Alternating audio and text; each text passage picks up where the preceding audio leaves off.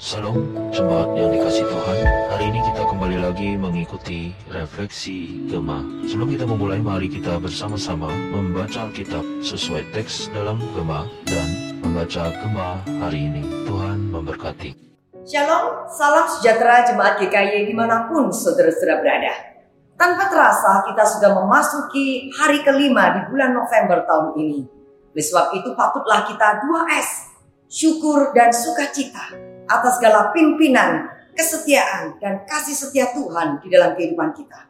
Mari saudara-saudara sebelum kita merenungkan akan perenungan refleksi gema pada hari ini, saya mengajak setiap kita tundukkan kepala, kita berdoa. Hati kami limpah dengan syukur ya Tuhan, karena Engkau adalah Allah yang setia memimpin dan memelihara akan kehidupan kami. Sekalipun ada begitu banyak macam peristiwa terjadi dalam dunia ini, namun kasih setia Tuhan tidak pernah beranjak dalam kehidupan kami. Tiba saatnya ya Tuhan, kami akan membaca dan merenungkan kebenaran firman-Mu. Biarlah hati kami boleh disegarkan dan dikuatkan melalui kebenaran sabdamu. Terpujilah nama Tuhan. Di dalam nama Tuhan kami Yesus Kristus kami berdoa. Amin. Perenungan refleksi Gema pada hari ini diambil dari kitab Amos pasal yang ke-6 ayat 1 sampai ayatnya yang ke-14 dengan sebuah tema berkat dan penghukuman. Saya akan membacakan ayat yang pertama dan ayatnya yang terakhir ayat 14 saja. Saudara-saudara di rumah bisa membaca keseluruhan ayat daripada pasal 6 ini. Amos pasal 6 ayat pertama sampai dan ayat 14. Celaka atas orang-orang yang merasa aman di Sion, atas orang-orang yang merasa tentram di Gunung Samaria, atas orang-orang terkemuka dari bangsa yang utama, orang-orang yang kepada mereka kaum Israel biasa datang. Sebab sesungguhnya aku akan membangkitkan suatu bangsa melawan kamu, hai kaum Israel. Demikianlah firman Tuhan Allah semesta alam. Dan mereka akan menindas kamu dari jalan yang menuju ke Hamat sampai ke sungai yang di Araba. Amin. Saudara pasal 6 ini merupakan peringatan keras Tuhan kepada bangsa Israel, yaitu kepada Samaria dan Yehuda. Melalui Nabi Amos, Tuhan memberikan peringatan kepada Israel agar mereka tidak terlena dengan ketentraman yang mereka rasakan pada saat itu. Bangsa Israel merasa nyaman di Sion, dan mereka merasa tentram di gunung Samaria.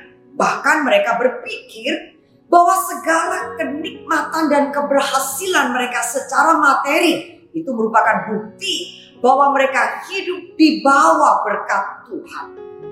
Saudara Sion adalah kota yang menjadi pusat peribadatan bagi bangsa Yehuda, tempat di mana mereka biasanya melakukan ritual keagamaan dan mereka mempersembahkan korban persembahan. Mereka berpikir bahwa apa yang mereka lakukan itu sudah memperkenankan hati Tuhan. Namun sayang sekali Alkitab mencatat bahwa Tuhan tidak berkenan atas itu semua.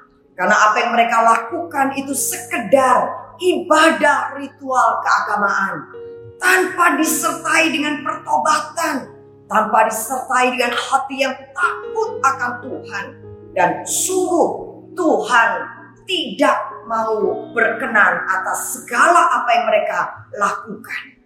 Saudara-saudara hal ini menjadi peringatan bagi setiap kita. Kadangkala kita juga berpikir mungkin sama halnya dengan bangsa Israel. Bahwa apabila kita sudah pergi beribadah, kita ikut dalam ibadah-ibadah streaming di masa-masa pandemi seperti ini, kita menganggap bahwa apa yang sudah kita lakukan itu mungkin berkenan di hati Tuhan. Tetapi saudara bagian ini mengingatkan bahwa sebuah ibadah yang dilakukan hanya sekedar ritual keagamaan tanpa disertai dengan pertobatan dan hati yang takut kepada Tuhan itu sangat mendukakan Tuhan tidak diperkenan oleh Allah dan hanya mendatangkan penghukuman Allah kepada orang yang melakukan hal demikian. Setelah dalam Amos pasal 5 ayat 21 sampai 23 mencatat.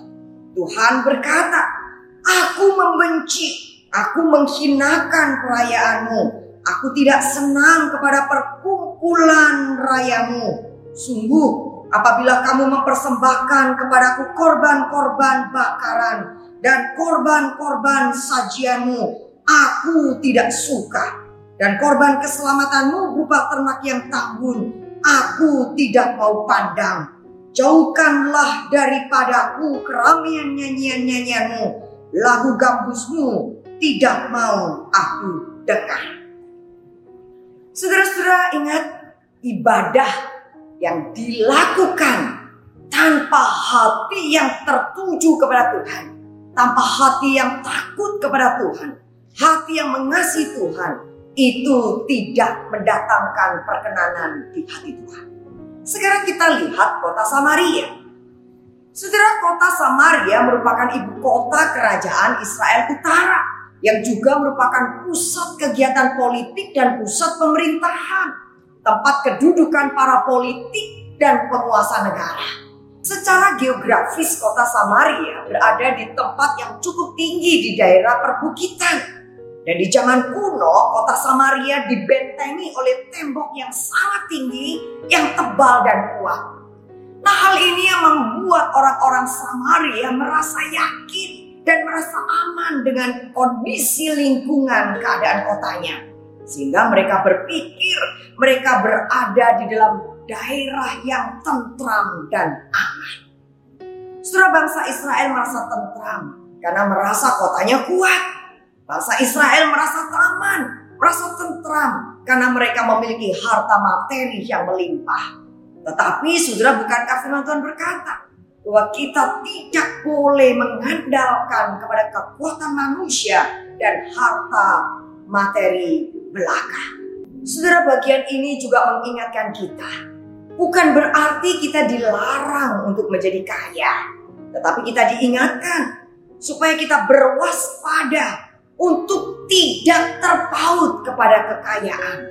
Amos mengingatkan daripada hidup berbahagia dengan segala kemewahan materi, lebih baik bangsa Israel hidup di dalam pertobatan, mengakui akan dosa-dosanya dan kembali kepada Tuhan daripada malapetaka itu menimpa mereka dan mendatangkan penghukuman daripada Tuhan.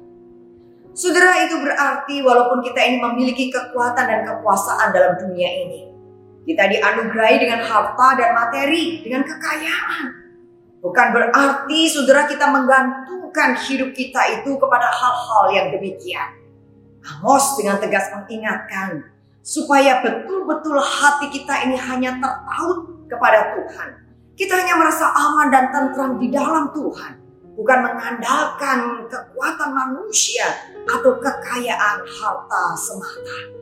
Maka oleh sebab itu saudara-saudara, mari kita belajar untuk menjadikan berkat Allah itu sebagai bagian dari pemberian Allah di mana kita bisa memuliakan dia dan kita pakai itu menjadi saluran berkat bagi sesama.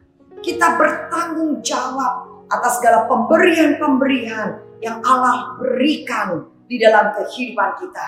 Sehingga hidup kita bukan mendatangkan penghukuman Tuhan, tetapi mendatangkan berkat dan perkenanan daripada Tuhan. Kiranya Tuhan memberkati setiap kita pada hari ini. Mari kita berdoa. Tuhan terima kasih untuk firman-Mu yang mengingatkan kami agar kami boleh berwaspada dan tidak terlena dengan kenyamanan dan kemapanan yang ada Karuniakanlah kepada kami hati yang taat ya Allah. Untuk boleh setia dan terus setia melakukan setiap firman-Mu. Hidup yang menyenangkan dan memperkenankan hatimu. Biarlah Allah Roh Kudus senantiasa memampukan kami untuk menjalankan setiap firman-Mu. Di dalam nama Kristus Yesus kami berdoa. Amin. Tuhan memberkati.